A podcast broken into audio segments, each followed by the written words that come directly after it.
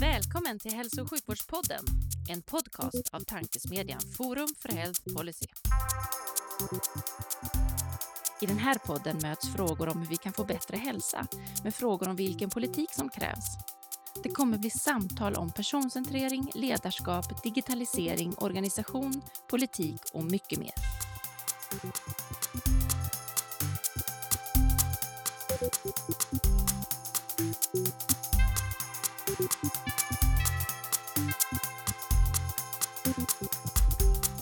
Hej och välkomna till Hälso och sjukvårdspodden, tankesmedjan Forum för Health Policys initiativ för att sprida goda idéer och tankar kring dagens och framtidens hälso och sjukvård och omsorg. Jag heter Magnus Lejelöw och arbetar till vardags för Colivia, men även ambassadör för Forum för Health Policy. Och vid min sida idag har jag förmånen att välkomna en sjukhusdirektör med en varierande bakgrund från såväl det privata näringslivet, akademin och Region Stockholm. Varmt välkommen Sara Lindholm Larsson. Tack så mycket. Och dessutom en, en apotekarfrände, då blir man ju lite extra glad. eh, men vi, vi kastar oss, det kommer säkert tillbaka till, men vi kan börja med frågan, hur tror du att svensk hälso och sjukvård ser ut 2040? Ja, den, eh, jag tror att den kommer att se ganska annorlunda ut jämfört med hur den ser ut idag. Eh, vi har ju, det finns ju många olika rapporter som visar på att vi kommer ha ett ett stort sjukvårdsbehov och att vår demografi i Sverige kommer att se lite annorlunda ut med en äldre befolkning. Så att eh, sjukvården kommer att behöva anpassas efter den här, den här patientgrupperna som vi kommer möta. Sen hoppas jag att vi har blivit lite mer digitala och lite mer rörliga också inom hälso och sjukvården framöver. Det, det är väl en förhoppning. Det var en, en, en, en tro och två hopp. Ja. Ja, det låter väl som rimliga saker. Det är lite kul när man ställer den frågan, för hälften säger ungefär, jag tror den kommer att se ut ungefär som idag. Och hälften säger att jag tror att den kommer att se väldigt annorlunda ut. Sen beskriver man ungefär samma bild, så det är nog snarare vilket perspektiv man har. Ja. Men, vad, men vad tror du, om, om vi måste anpassa oss, då, vad är det vi ska anpassa sjukvården mest till, tror du? Ja, jag tror att eh, alltid i sådana här framtidsspaningar så, så finns det ganska mycket förhoppningar på att vi ska lösa så att säga, gamla problem eller befintliga problem. Um, sen visar väl alltid alla sådana här framtidsspaningar att det inte alltid blir så som man tror. Jag tror ju att vi kommer, om man tittar liksom, om man vänder blicken lite grann bakåt innan pandemin, om vi bara vänder blicken ett par, par år tillbaka, så var vi ju inte alls på samma sätt lika digitala i hälso och sjukvården som vi är idag.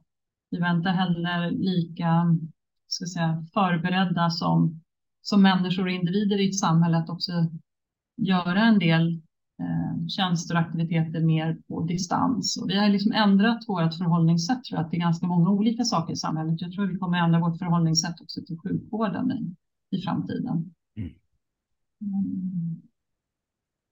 Kommer sjukvården att vara med på det? För att vi som individer i samhället kommer att ändra oss, det är jag helt övertygad om. Men ibland blir man lite, lite orolig för att sjukvården inte är tillräckligt bra på att ändra sig, anpassa sig till det.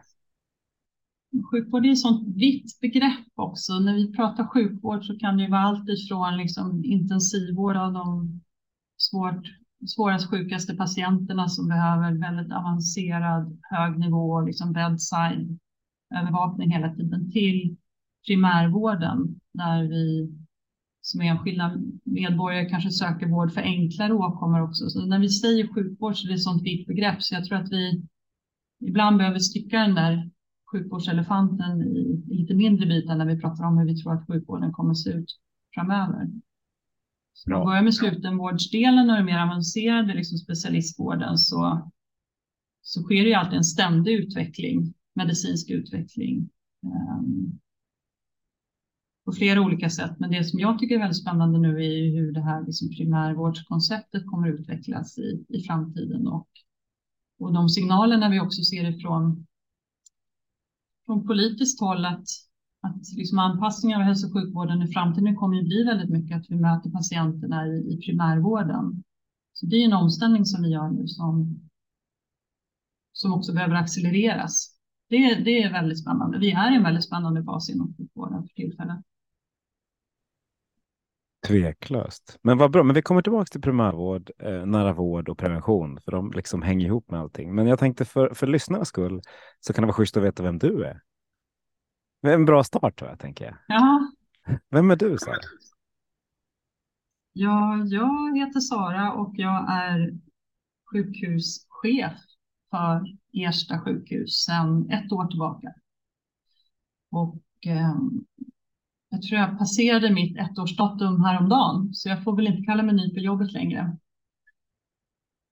Så det har varit ungefär ett års tid och innan det så har jag jobbat, precis som du nämnde inledningsvis, på regional nivå i Region Stockholm med frågor kring hur vi hanterade pandemin i Region Stockholm och vilka lärdomar vi har dragit från det. Och lite mer koncernövergripande perspektiv. Ehm, och innan det så jobbade jag i flera år på Karolinska Universitetssjukhuset inom operation och intensivvårdsverksamheten där. Och innan det så har jag jobbat med inom akademin. Jag har jobbat med den dåvarande ledningen på Karolinska institutet med att eh, stötta och driva olika projekt för hur akademin kunde också säkra upp att vi kunde bedriva forskning och utbildning i det nya hälso och sjukvårdssystemet som man siktade på att etablera i Region Stockholm då med det hög, superhögspecialiserade sjukhuset Karolinska och den här nivåstruktureringen med, med specialiserade enheter. Och före det så var jag på AstraZeneca i tio år i olika roller. Och där min sista roll på AstraZeneca var att vara programchef eller programansvarig för den avvecklingen som vi gjorde av, av AstraZeneca i Södertälje 2012. Mm. Ungefär så. Skönt varierat eh, CV. Liksom. Du har fått se mycket, en stor del av branschen, men se, fått se det från många olika håll. Det är det roligaste som finns. Ja, ja men det har varit väldigt eh, jag skulle nog kunna, jag ska inte göra det, men jag skulle kunna checka ut och tycka att jag haft en väldigt, väldigt, väldigt spännande yrkesliv.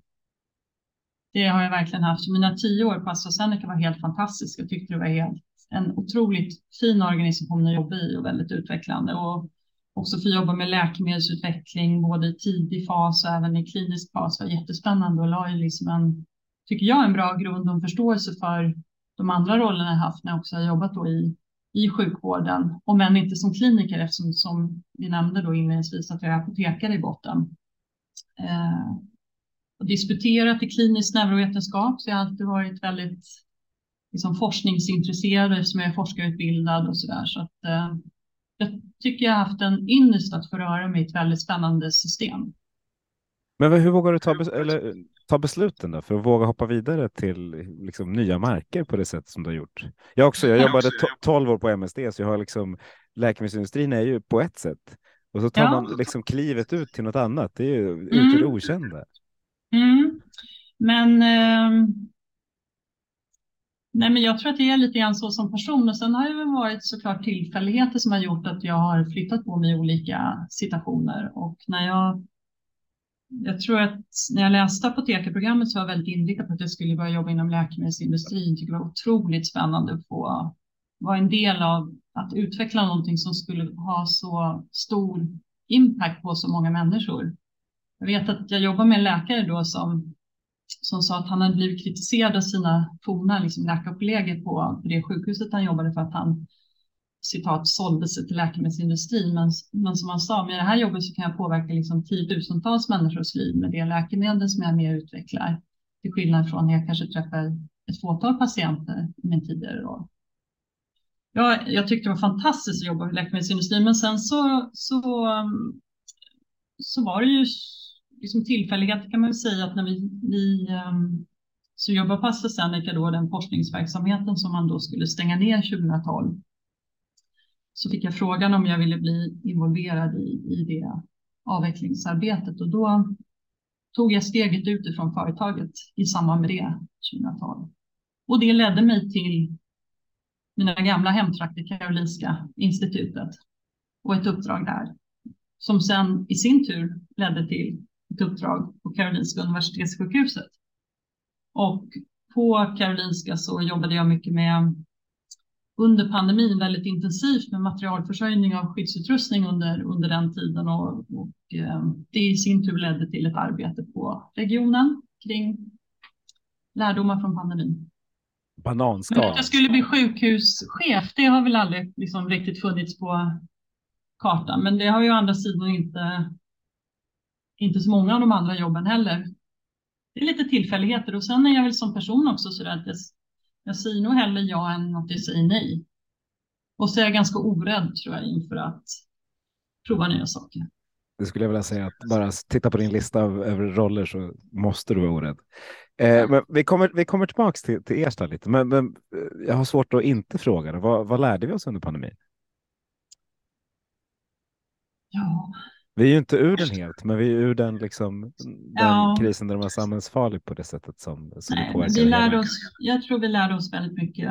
Eh, pandemin har ju varit väldigt långsträckt och eh, det som vi upplevde under första vågen med den här ska man säga, ganska överrumplande situationen vi befann oss i och, och, ett stort antal patienter som kom till sjukhuset under den här perioden, sjukhusen under den här perioden i, i Region Stockholm var ju väldigt eh, omtumlande för väldigt många och sen medan de andra vågorna som vi har haft av pandemin har ju varit mer utmattande och uttröttande. Vi har inte haft ett lika stort antal patienter på kort tid och vi har också vetat hur vi ska behandla sjukdomen och vi har haft skyddsutrustning så det räcker. Men jag tror vi har lärt oss ganska mycket kring kris och beredskap eh, på sätt som vi inte eh, kanske hade så allmän kunskap om tidigare inom sjukvården.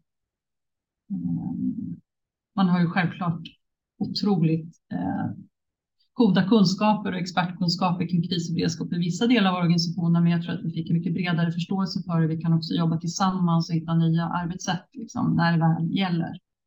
Det tycker jag har varit väldigt tydligt och att, att som i det här fallet, att sjukvården ska ledas av de som jobbar närmast patienten. Mm. Säger jag som är sjukhuschef som inte jobbar nära patienten. Nej, men det, det tycker jag verkligen har varit liksom att, att det här med liksom lite klyschan eller vad man ska säga, att vi har pratat om att man ska fatta beslut nära patienten. Eh, det blev väldigt påtagligt under pandemin att vi, vi, det är rätt sätt att jobba på. Mm. Vad, skulle du Det finns en massa saker vi kan prata om. Det, det, är, det är ett helt eget poddavsnitt. Absolut, men man kan inte bara slänga ur sig en sån titel och sen inte få en fråga. Så det, blir, det, det lät lite för spännande. Men vad, ja. Kom ni fram till att ni skulle gjort något annorlunda om ni, om ni hade fått göra om det? Eller det man, man kommer säkert fram till massa saker, men jag tänker var något speciellt som så här, det här borde vi ha tänkt på.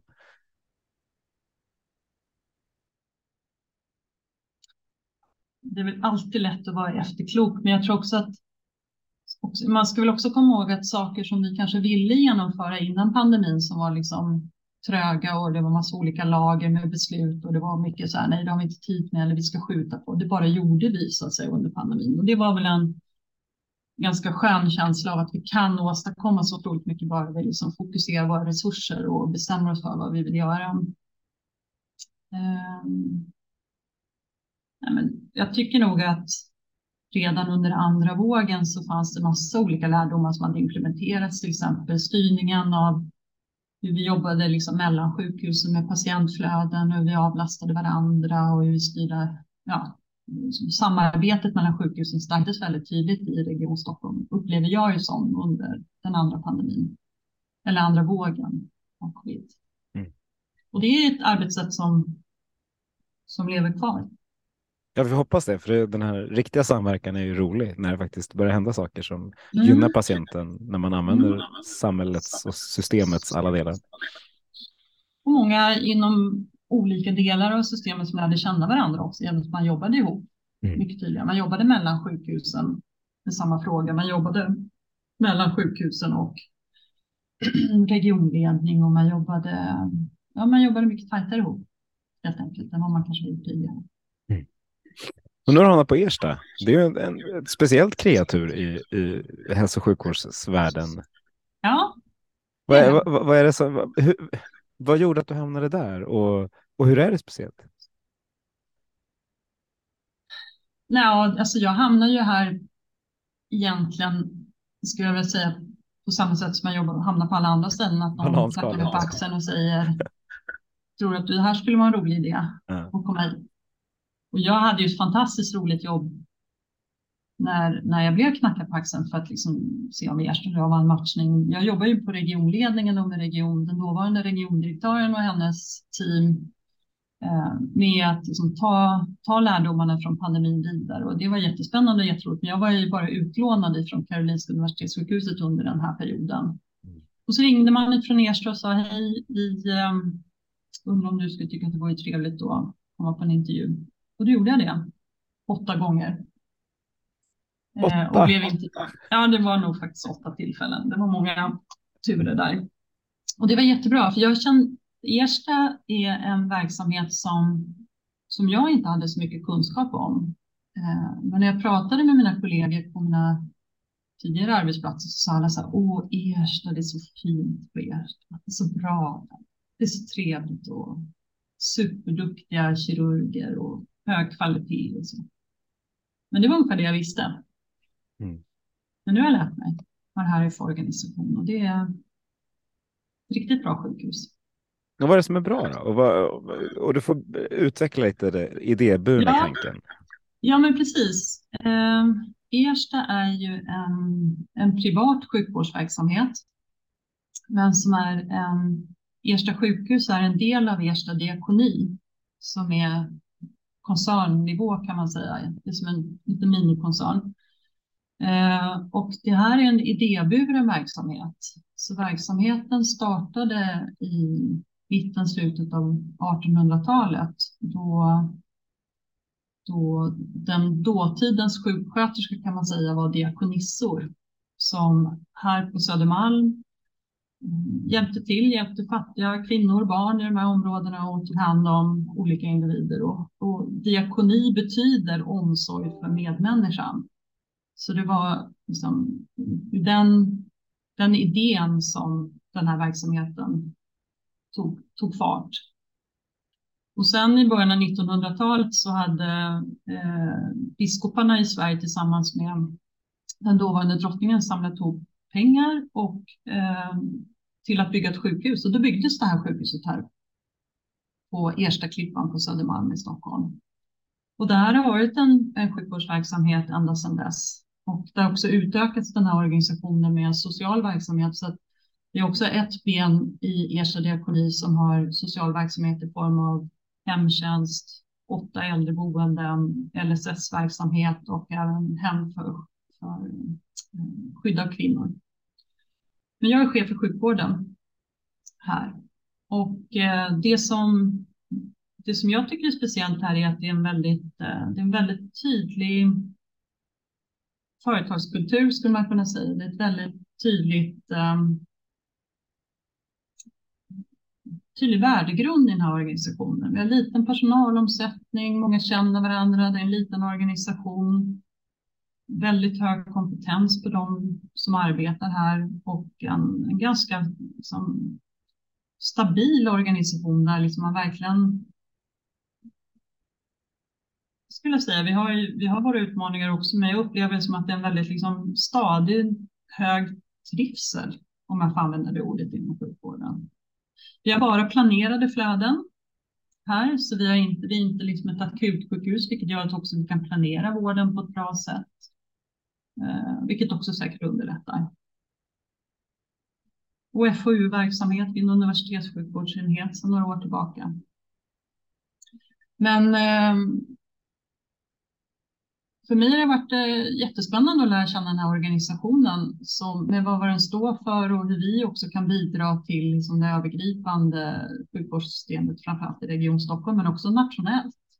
Jag är ju placerad i Stockholm, Ersta sjukhus, men det är ju ingenting som säger att vi inte kan etablera verksamhet på andra ställen eller att vi kan ta emot patienter från andra delar av Sverige också till oss.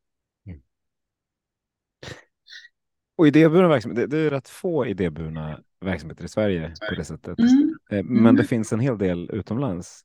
Var, precis. var, var, precis. ti- titta, tittar ni mycket utomlands för att få liksom inspiration? Och i så fall, var tittar ni? Ja, du har helt rätt i att den idéburna Eh, idéburen vård är väldigt lite i Sverige, men det finns ett initiativ nu till att man ska öka andelen eh, idéburen vård i Sverige. En ny lagstiftning som, som trädde i kraft nu här vid årsskiftet som innebär att man kan från en region eller en kommuns sida rikta upphandling mot idéburen verksamhet. Så det finns också liksom politiska krafter och andra krafter på att öka den idéburna verksamheten i Sverige. Och Ersta sjukhus är Sveriges största sjukvårdsverksamhet eh, inom idéburen. Så att vi är ju liksom ett fullskaligt sjukhus kan man säga då med allt vad det innebär. I andra länder, precis som du är inne på, så finns det mycket mer av idéburen verksamhet. Tyskland, Holland, Storbritannien och så vidare.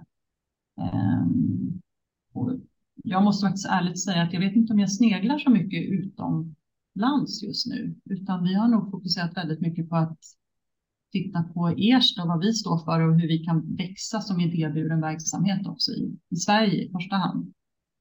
Men, men, men sneglar du ingenstans? Du tittar, tittar du inte avundsjukt på SÖS eller på Region Östergötland? Det är inget annat du tittar på när du, när du liksom vill bli inspirerad? jo, det gör jag absolut. Eh, och det var två, två exempel tagna i luften naturligtvis. ja, det var roligt. Ja, nej, men alltså vi vill ju avundsjuk. Jag tänker så här att jag ser nog snarare så här all sjukvård oavsett om man ingår i den här delen av sjukvårdssystemet som jag gör eller annat är att vi ska kunna lära av varandra.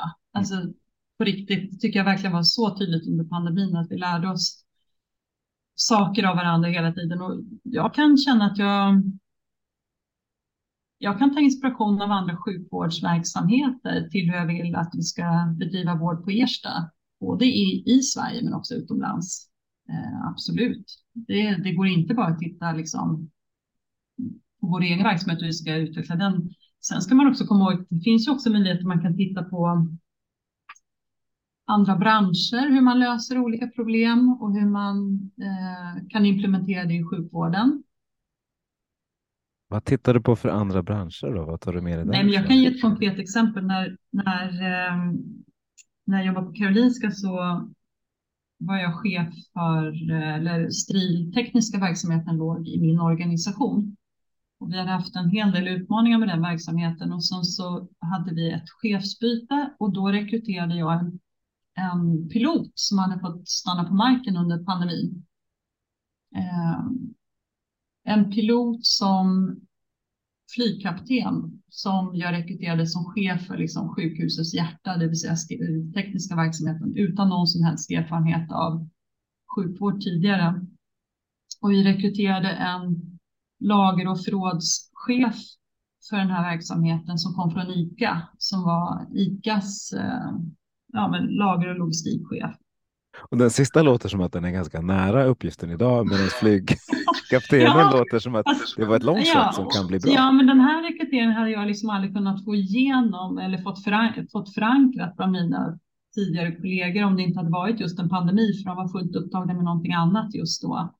Så, så de här två rekryteringarna kan man väl säga gled igenom utan några större problem. Och, och med det sagt så den kompetensen som de här ja, specifika individerna och sen andra personer som, som jobbar i deras närhet har ifrån andra verksamheter kunde de ta med sig in i sjukvårdsverksamheten och sen liksom transformera och ta med sig sina lärdomar fast det var en sjukvårdskontext.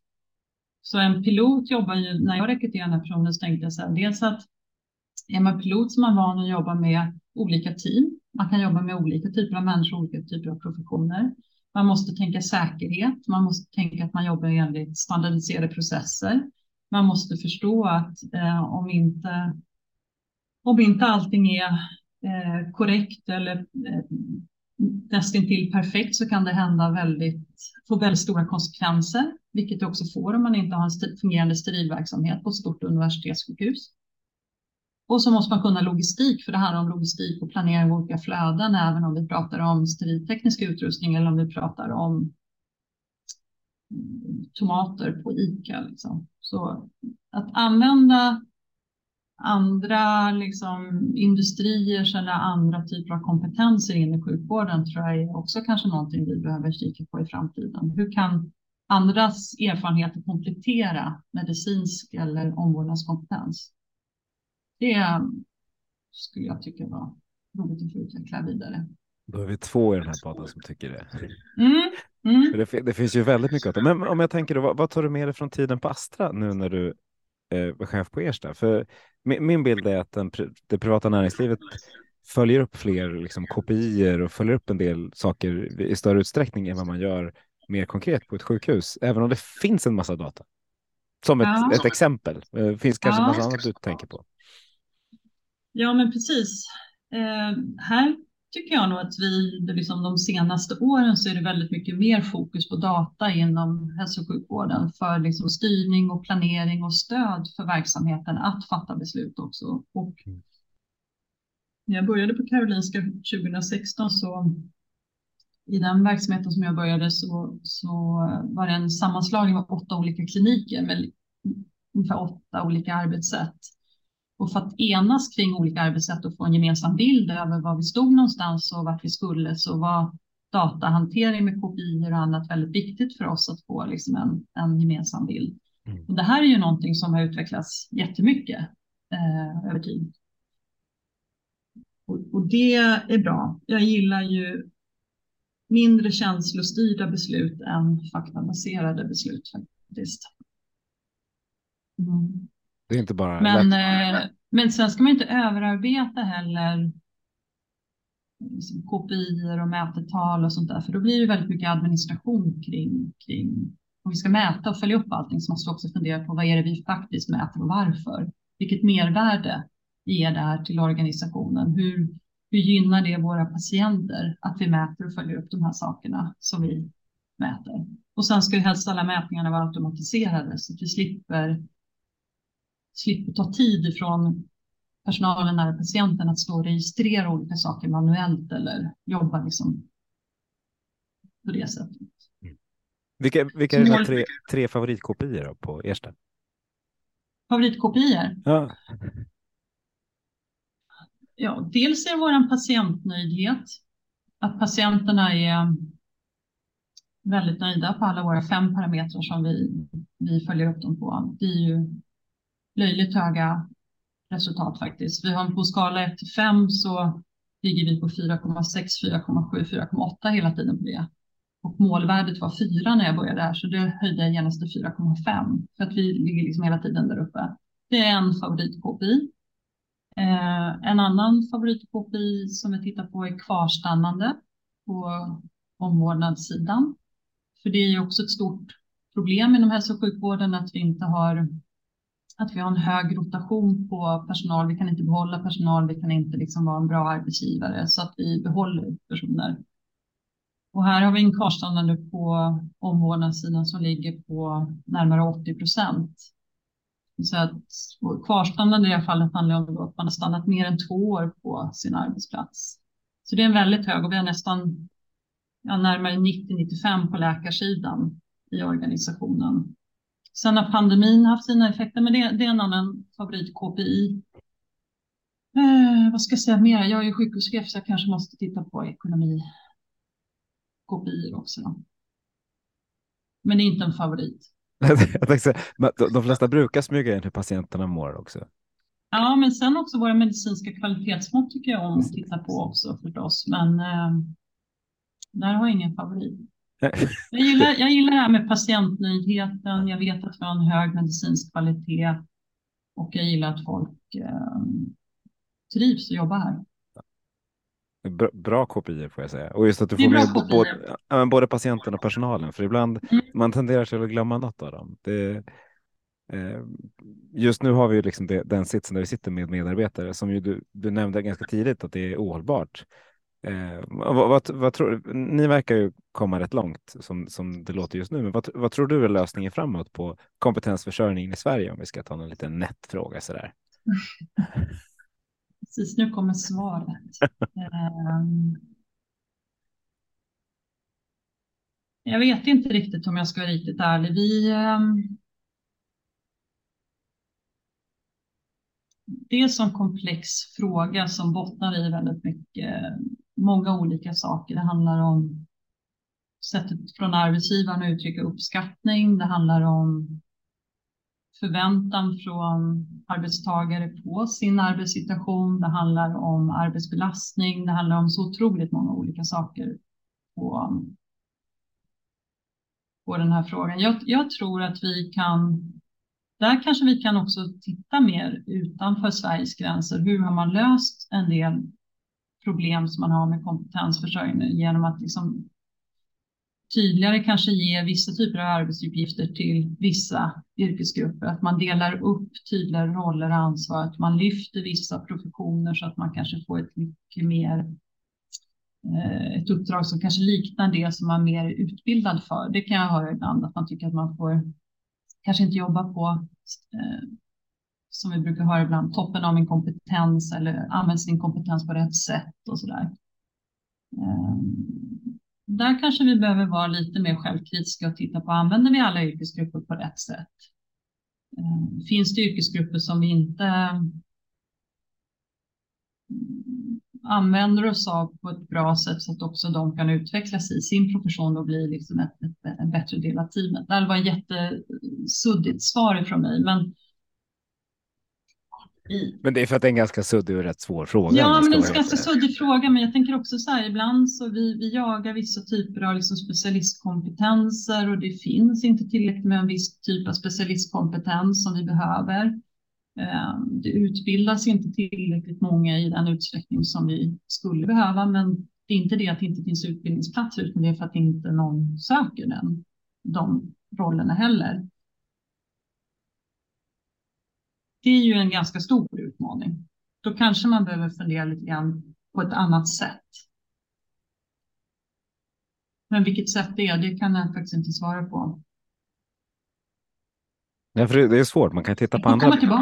Ja, precis. Men man kan titta på andra branscher. Tittar man på, på Volvo så har de liksom så här 30 procent flexibel arbetskraft, vilket kan vara en lösning. Tittar man mm. på liksom många ny, nya startups och så, där, så är det mycket mer gig-ekonomi, alltså mycket mer rörlig, fria, friare arbetstider och så där. Men vi har ju samtidigt en, liksom, behöver ta hand om patienter under en viss tid med en viss kontinuitet. Så, här. så det finns många faktorer som, som ska samspela. Ja, så precis. Och om du vrider frågan på det sättet så, så är det väldigt tydligt att liksom den yngre generationen värdesätter ju andra saker i sitt liv kanske än vad vi med, jag ska inte dra in dig i medelålderskonceptet. Men, än vad andra har för förväntningar på livet och vad man har för liksom, målbild och sådär. Det är ju mycket liksom att man har en balans mellan fritid och sitt arbete, att man inte ska jobba så pass mycket så att man är helt utsliten när man kommer hem, utan man har också får tid för det. Och det här med liksom sex timmars arbetsdag och, och det är ju många inom sjukvården som jobbar deltid också, att man man kanske jobbar fyra dagar i veckan och leder en femte och då har tid för att göra andra saker. Mm. Så är det kanske i andra branscher också, men, men jag tror att vi står inför också en eh, olika generationer har olika liksom, syn på hur, hur man vill leva sitt liv. Och min bild är att, att, eh,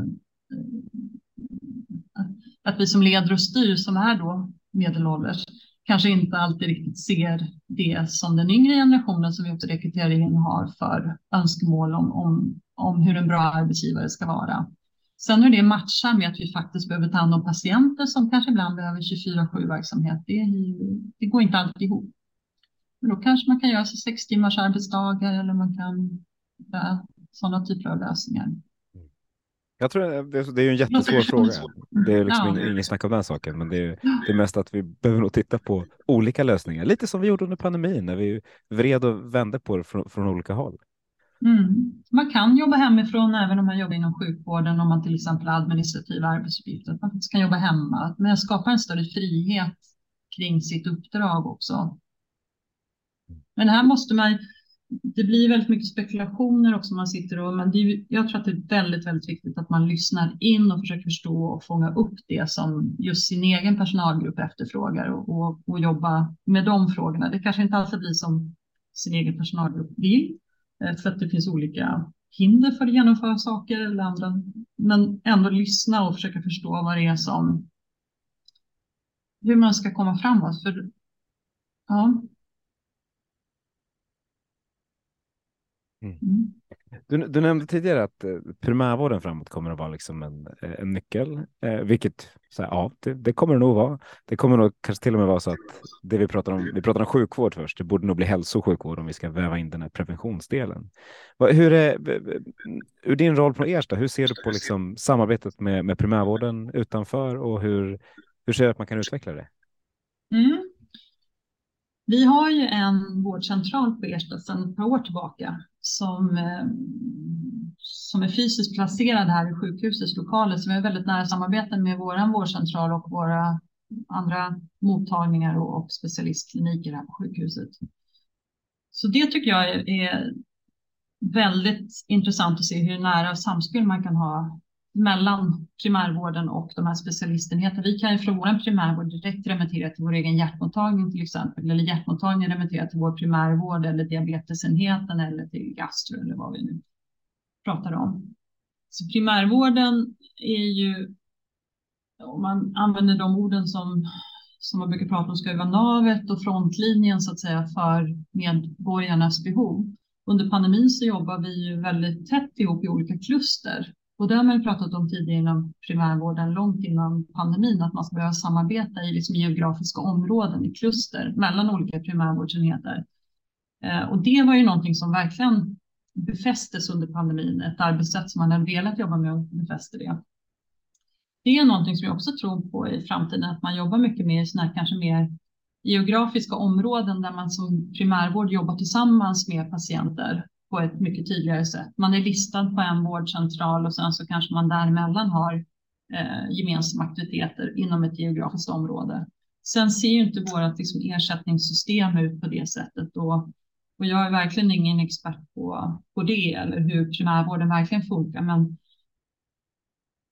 som medborgare och inte sjukhuschef så är det ju primärvården som är det första stället man kommer till en fysisk vårdcentral eller så använder man sig av andra liksom, digitala aktörer som finns i, i, i systemet just nu. Sedan en tid tillbaka.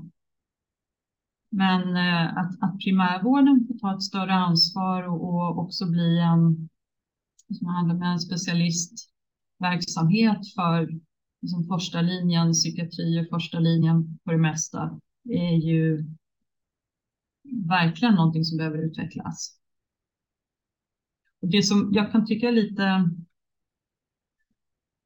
beklämmande i den här situationen är att det är sånt, det är sånt högt tryck på, på den delen av sjukvården. Det är högt tryck på många delar av sjukvården, men just den här delen är det väldigt högt tryck och vi har ju sett i, i olika sammanhang att det är, det är en hög belastning på personalen som jobbar inom primärvården. Det, det, är, det är svårt. Att det är så.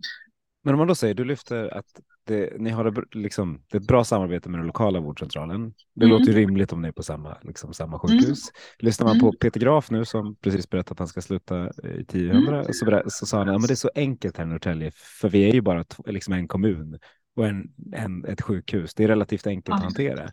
Och det är de exemplen som verkar bli framgångsrika. Ja. Hur, hur, hur, gör man om man inte har det? Man har något det där sjukhuset du jobbar på förut som ska ha väldigt många vårdcentraler runt omkring sig.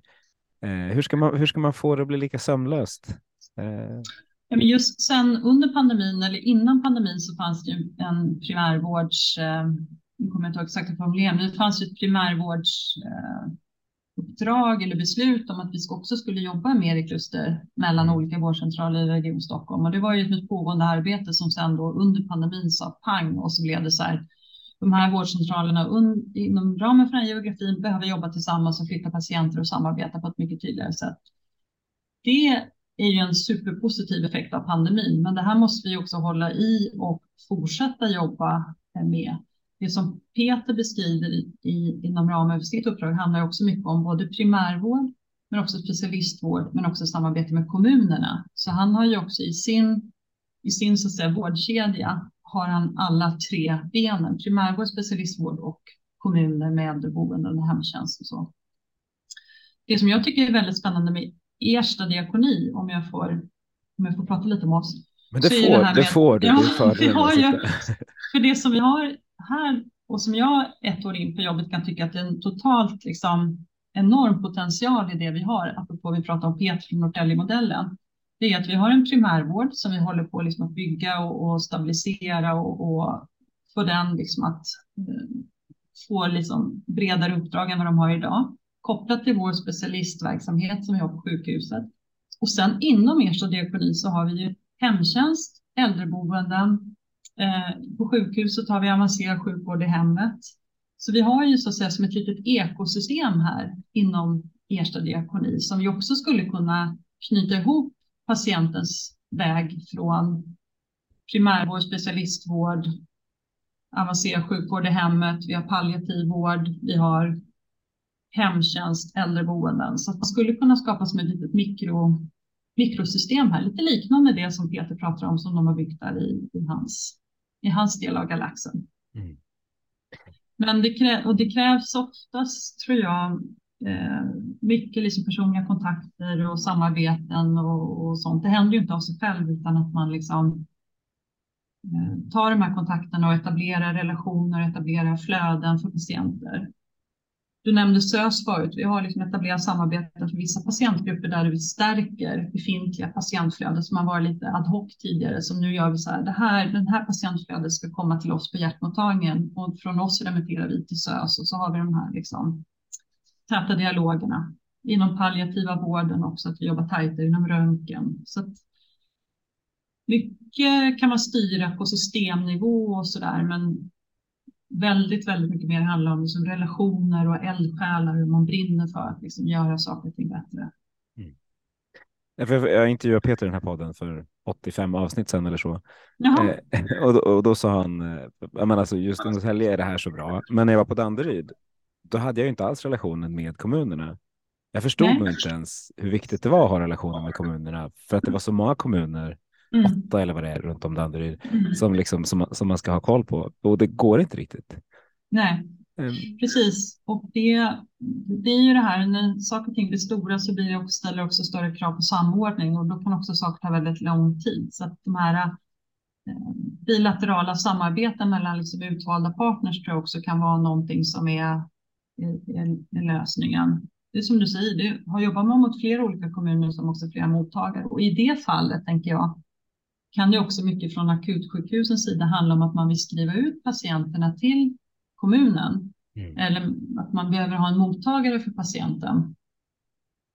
Här ser jag att vi som Ersta sjukhus skulle också kunna vara en, en tydligare samarbetspartner när det gäller den delen till de olika akutsjukhusen. Vi kan också ta patienter till oss som eh, inom geriatrik till exempel som kanske inte behöver akutsjukhusets avancerade sjukvård utan de kan få sjukvård hos oss och sen skrivas ut i hemtjänst eller äldreboenden eller hem till hem. Vi kan vara en slags intermediär eh, verksamhet som är liksom en förlängd arm av akutsjukhusen men utan ett akutsjukhusuppdrag. För då blir vi också en, en, eh, en bra avlastning för akutsjukhusen skulle jag tro. Det är väl min målbild och min ambition att vi också Ersta sjukhus kan vara en, en, en mer, vad ska jag säga, ta en större del av liksom flödet i, i, i Region Stockholm och inte vara så liksom, som en, en bubbla.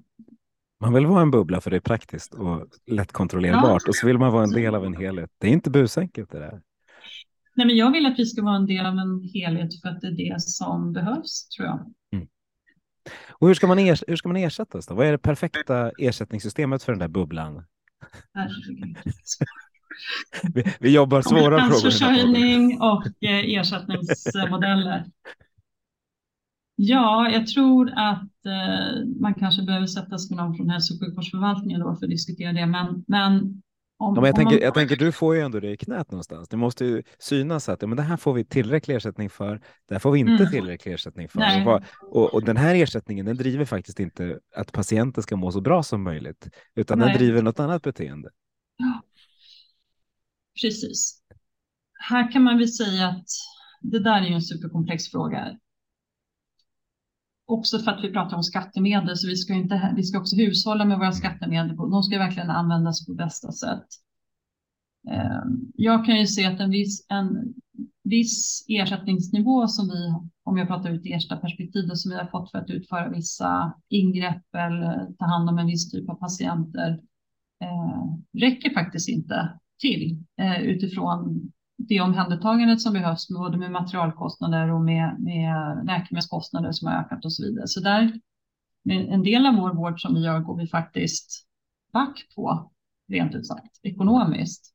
Eh, Medan andra verksamheter då som kan hålla sina budget får man liksom en balans i det. Men inom, inom ramen för viss typ av vård så kan det vara så att en del går vi minus på, en del går vi plus och summan blir liksom någonstans mittemellan. Eh, och eh, hur man ska ersätta patienten, ja, jag, varför inte också kopplat till kvalitet? Vilken kvalitet är det som vi ger? Hur ser de medicinska kvalitetsmåtten ut och hur, hur eh, eh, ger vi ersättning kopplat till det? Det är också så här hur, hur vi eh, kan få ersättning utifrån en kvalitetsparameter, inte alltid efter liksom, billigast vård, billigast utförd vård. Det tror jag är en för, det, man tycker och tror och hoppas och samtidigt om man, om man slänger det till en kritiker och säger jo men vi kan inte bli ersatta för HbA1c-nivåer eller hur patienten mår och så där. Då, mm. då säger man jo men det är så lätt att styra, så lätt att fuska. Mm. Fast man ska ju inte fuska. Nej, du har en poäng. ja, faktiskt. Eh, så det är väl liksom grundprincipen. Det var ett praktiskt eh, svar. Ja, faktiskt. Så att. Eh, nej, men jag tror, jag kanske är, är naiv här, men jag tror faktiskt att om man för det första, man ska inte hitta på saker och ting och göra för att man ska få en högre ersättning. Och så måste man på något sätt ha en tillit till systemet att om man har en patient som har ett visst vårdbehov så måste vi se till att ge ersättning för att ta hand om den patienten. Och sen så är det ett sånt otroligt komplext system så det är helt omöjligt att det blir superrättvist i varenda liten detalj och vården utvecklas ju hela tiden. Så de här ersättningssystemen som vi har, de släpar efter så att säga både till den nivå av ersättning som vi får för att vården utvecklas och, och så. Men Kvalitet säger jag, hur patienten mår, hur, upplevelsen och hur den medicinska kvaliteten är av vården borde på något sätt också lyftas fram i, i annat än antal och eh, pinnar. Mm. Många gånger, vi, vi är ju en privat verksamhet så vi har ju då, våra avtal är ju antingen LOU-avtal eller vårdval eller liknande uppdrag som vi har och då när vi lägger anbud på olika uppdrag och så, så har det ju i större utsträckning tidigare kopplat till pris prissättningen, att den som lägger billigast eh, anbud vinner så att säga. Vi hoppas ju att det blir en kanske en förändring, att man ser en förändring i samhället för att man också mycket mer riktar in sig på kvalitet, att man kan visa på kvalitetsmått och hur man ska jobba med det för att få bästa möjliga vård för patienten. Sen kan pris och kvalitet också hänga ihop. Så jag säger inte att liksom dyr vård alltid behöver vara bra eller att billig vård behöver vara dålig. Det är inte det jag säger, men jag tror att kvalitetsmått måste kanske implementeras lite mer tydligare i styrningen av vården. Om du hade fått eh, liksom, ha en hemsida för alla patienter där man kunde få välja liksom, mellan, sjuk, mellan vilket sjukhus man skulle åka till. Nu är det ju inte så, det förstår jag också, men om man då, vilka parametrar skulle du vilja att man visar upp då för att kunna, verkligen kunna så här, rättvist visa var man ska åka? Är vi tillbaka Nej, på samma, samma som du nämnde i början eller är det ur patientens perspektiv något annat? Nej, men jag kan sätta mig i stolen som om jag vore en patient som letar efter vård. Hur mm. hittar jag eh, vård i Sverige eller i Region Stockholm? Vilken vård ska jag vända mig till? Det är ju ganska så svårt som patient idag att veta hur man ska hamna rätt, för det finns så otroligt mycket olika valmöjligheter. Ja, det, är, det är snudd på omöjligt skulle jag säga. Ja, alltså. precis. Och det skapar ju också en otrygghet kan det vara i systemet att man så här, får jag verkligen det bästa på det här stället eller så. Det är väl klart att det skulle vara finemang om vi kunde se kvalitetsmått från verksamheter. Om jag som patient skulle välja så skulle jag vilja gå till den här organisationen för det här har de jättefina resultat. Eh, och här får jag vänta så här länge på att komma på ett mottagningsbesök. Eh, eller jag kan få den här organisationen ha en kontinuitet i läkarkontakten med mig eller här så kan du, ja, ett, att man ska kunna presentera på det sättet. Men Samtidigt så ska ju patientens vårdbehov styra vart patienten ska gå någonstans. Så vi kan ju inte heller förvänta oss att alla patienter ska gå in och göra den här typen av sökning. Jag kanske gör det för jag jobbar med sjukvård, men inte min mamma som inte gör det till exempel. Ja, fast borde man inte kunna göra det enkelt för henne? Ja. Alltså om du ska jämföra nu, för nu det finns ju liksom massa vårdcentraler som ligger rätt nära varandra som är ganska olika. Ja. Eh, där man borde kunna få liksom chansen att, välja i större ja. utsträckning. Och, och, och liksom, det finns ju lite olika saker. Då. Vissa vill ha vilka skriver ut läkemedel snabbt och enkelt. Det är kanske inte de parametrarna vi ska ha med. Men nej, nej. hur, hur, må, hur liksom, måendet och eh, mottagandet och tillgängligheten och sådana grejer vore ju intressant att se. Mm, absolut. Jag vet att när jag jobbade förut på Karolinska så gjorde vi det vid något tillfälle att publicera och det kanske man gör fortfarande. Det var ett tag som jag jobbade där nu. Publicera liksom kvalitetsmått för, liksom för olika patientflöden och hur man låg till mot andra och så. Jag tror också att det låg ute på den externa hemsidan. Absolut. Det, det, för, oss nörd, för oss nördar går det alldeles utmärkt att hitta, men för gemene patienter. Gemene man, Nej, men apropå det där du pratar om KPI och så, jag tycker kvalitet är en väldigt viktig fråga. Vad är, men också så här, vad är vårdkvalitet? Vi kan mäta ganska hårda kvalitets, medicinska kvalitetsmått och ehm, eh, i vården. Men jag tycker också att det är väldigt viktigt hur man som patient upplever vården. Känner man sig trygg i en vårdsituation? Hur blir man bemött i vården eh, och så vidare? Det är också viktigt i omhändertagandet i vården. Och tillgänglighet, att man inte får vänta för länge för att komma och träffa någon. Men det får inte vara för hög tillgänglighet heller, för då kanske det också driver vårdtillfällen som, som kanske kostar mer än vad det eh, behövs, så att säga. Trycker ut, tränger undan de patienter som kanske faktiskt behöver vården. Vi är ju apotekare båda två. Det kanske finns någonting man kan jobba med där. På. Jag tycker det är alldeles för lite prat om apotekare. Jag håller med. Ja, ska vi prata om apotekare lite då? Jag har ju inte världens längsta erfarenhet av apotekeriet. Fyra veckor på ett apotek i Visby 1995. Men ja, annars så... Jag har sex månader på ett apotek i Helsingborg ja. 2004. Så jag också... Ja, men apropå det här med liksom andra hälso, alltså professioner inom hälso och sjukvård. Hur kan man också jobba tillsammans för att eh, skapa mesta möjliga utväxling mm. kring patientens vård. Och här kan vi ibland låsa in oss i vissa professioner för att inte liksom eh, man har inte mandat eller ansvar eller legitimation eller vad man nu har. Men hur kan vi jobba tillsammans här kring patienter med olika professioner? Det är ju ett drömscenario där vi bara tänker på det sättet. Och det gör vi ju många gånger. Men man kan lyfta in, tror jag, fler kompetenser än vad vi har idag kring, kring vårdens eh, planering och utförande.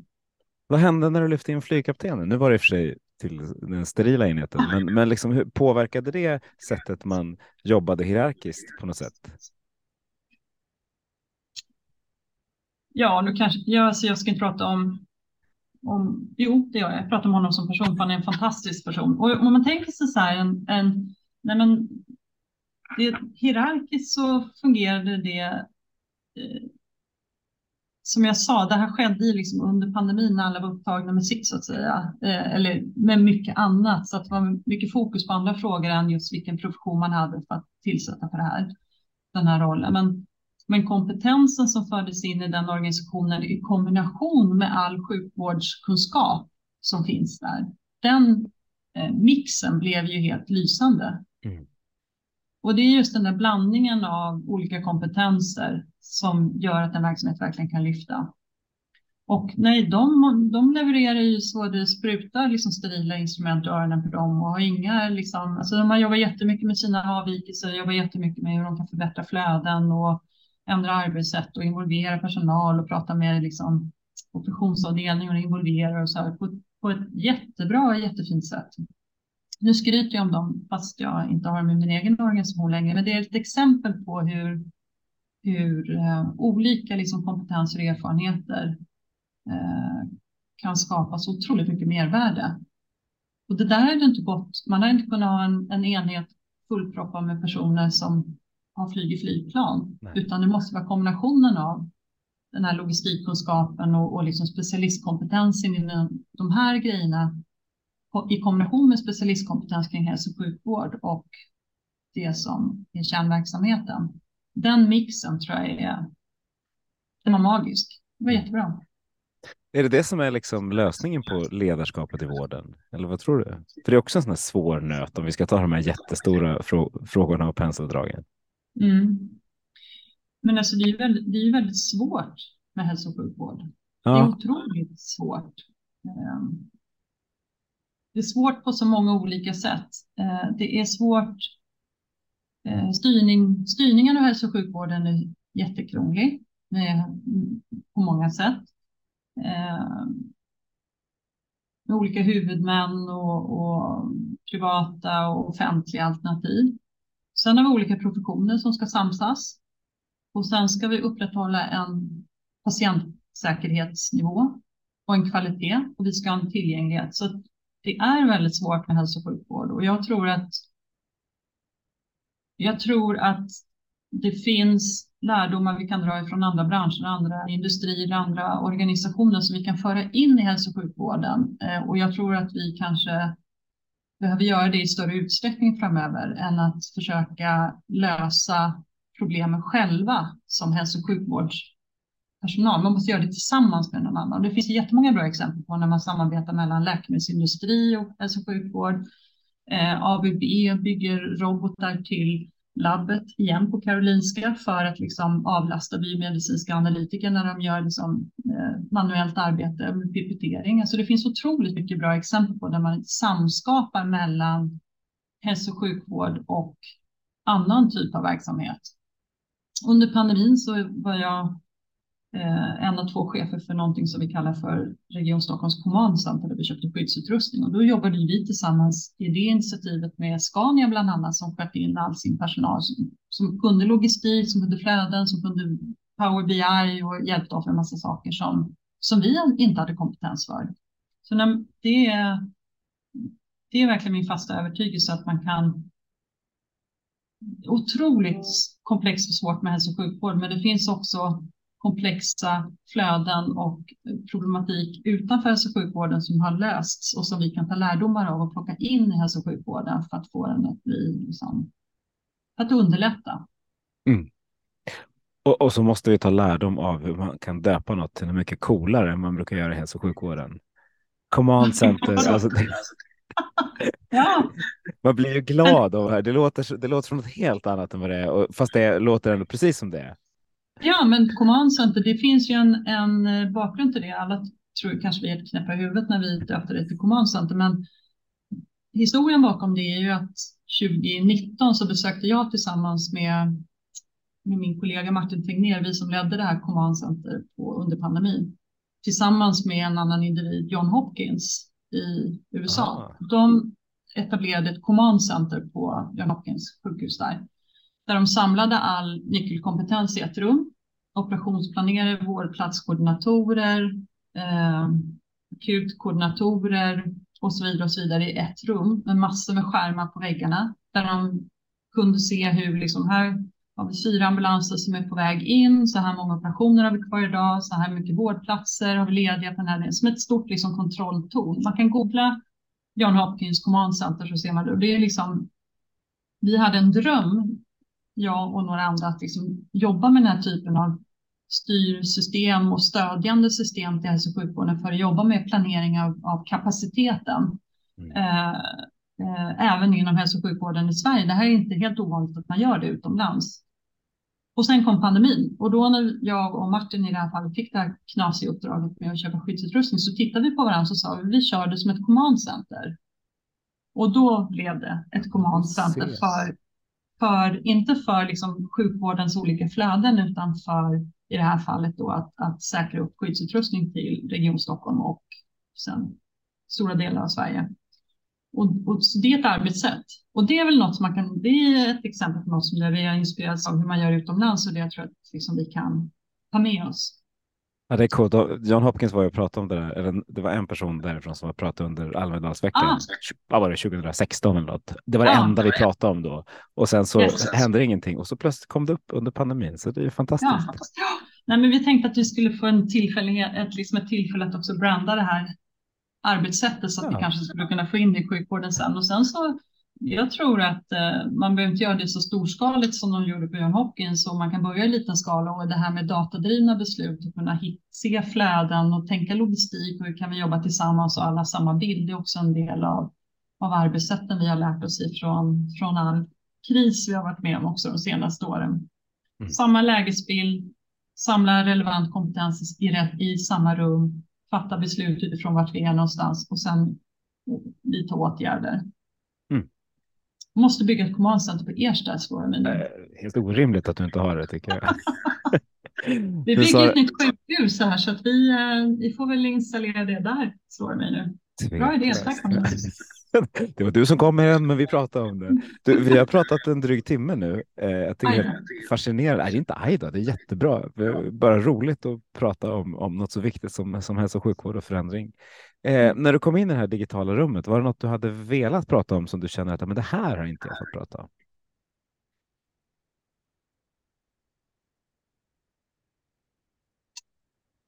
Nej, nej, det har jag. Nej, vi, jag skulle kunna prata länge tror jag kring just det här med hur vi kan jobba kanske med framtidens hälso och sjukvård kring, kring flytta patienterna från sjukvårdens, liksom akutsjukhusen eller liksom sjukhusens väggar ut i hemmen och hur vi kan liksom koppla ihop patientens eh, information eller göra patienterna delaktiga i vård utanför akutsjukhuset. Det var också en del av det studieresan vi gjorde i USA där vi besökte olika sjukhus där John Hopkins var ett. Vi besökte New York Presbyterian också som har också sådana här Eh, kommandorum med digital övervakning av patienter utanför sjukhuset. Det tror jag också är liksom mycket som händer i framtiden. Vi kan flyga läkemedel med drönare, vi kan liksom mm, använda teknik på ett helt annat sätt och låta patienterna finnas utanför sjukhuset.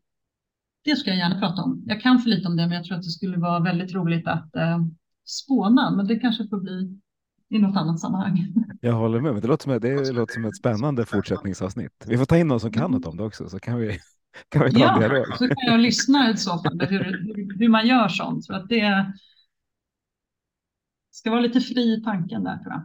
Ja, men absolut. Men du Sara, då skulle jag tacka dig varmast för att du var med i Hälso och sjukvårdspodden.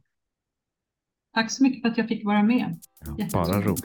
Och tack alla ni som har lyssnat. Nu går vi ut och förändrar svensk hälso och sjukvård till bättre. Där.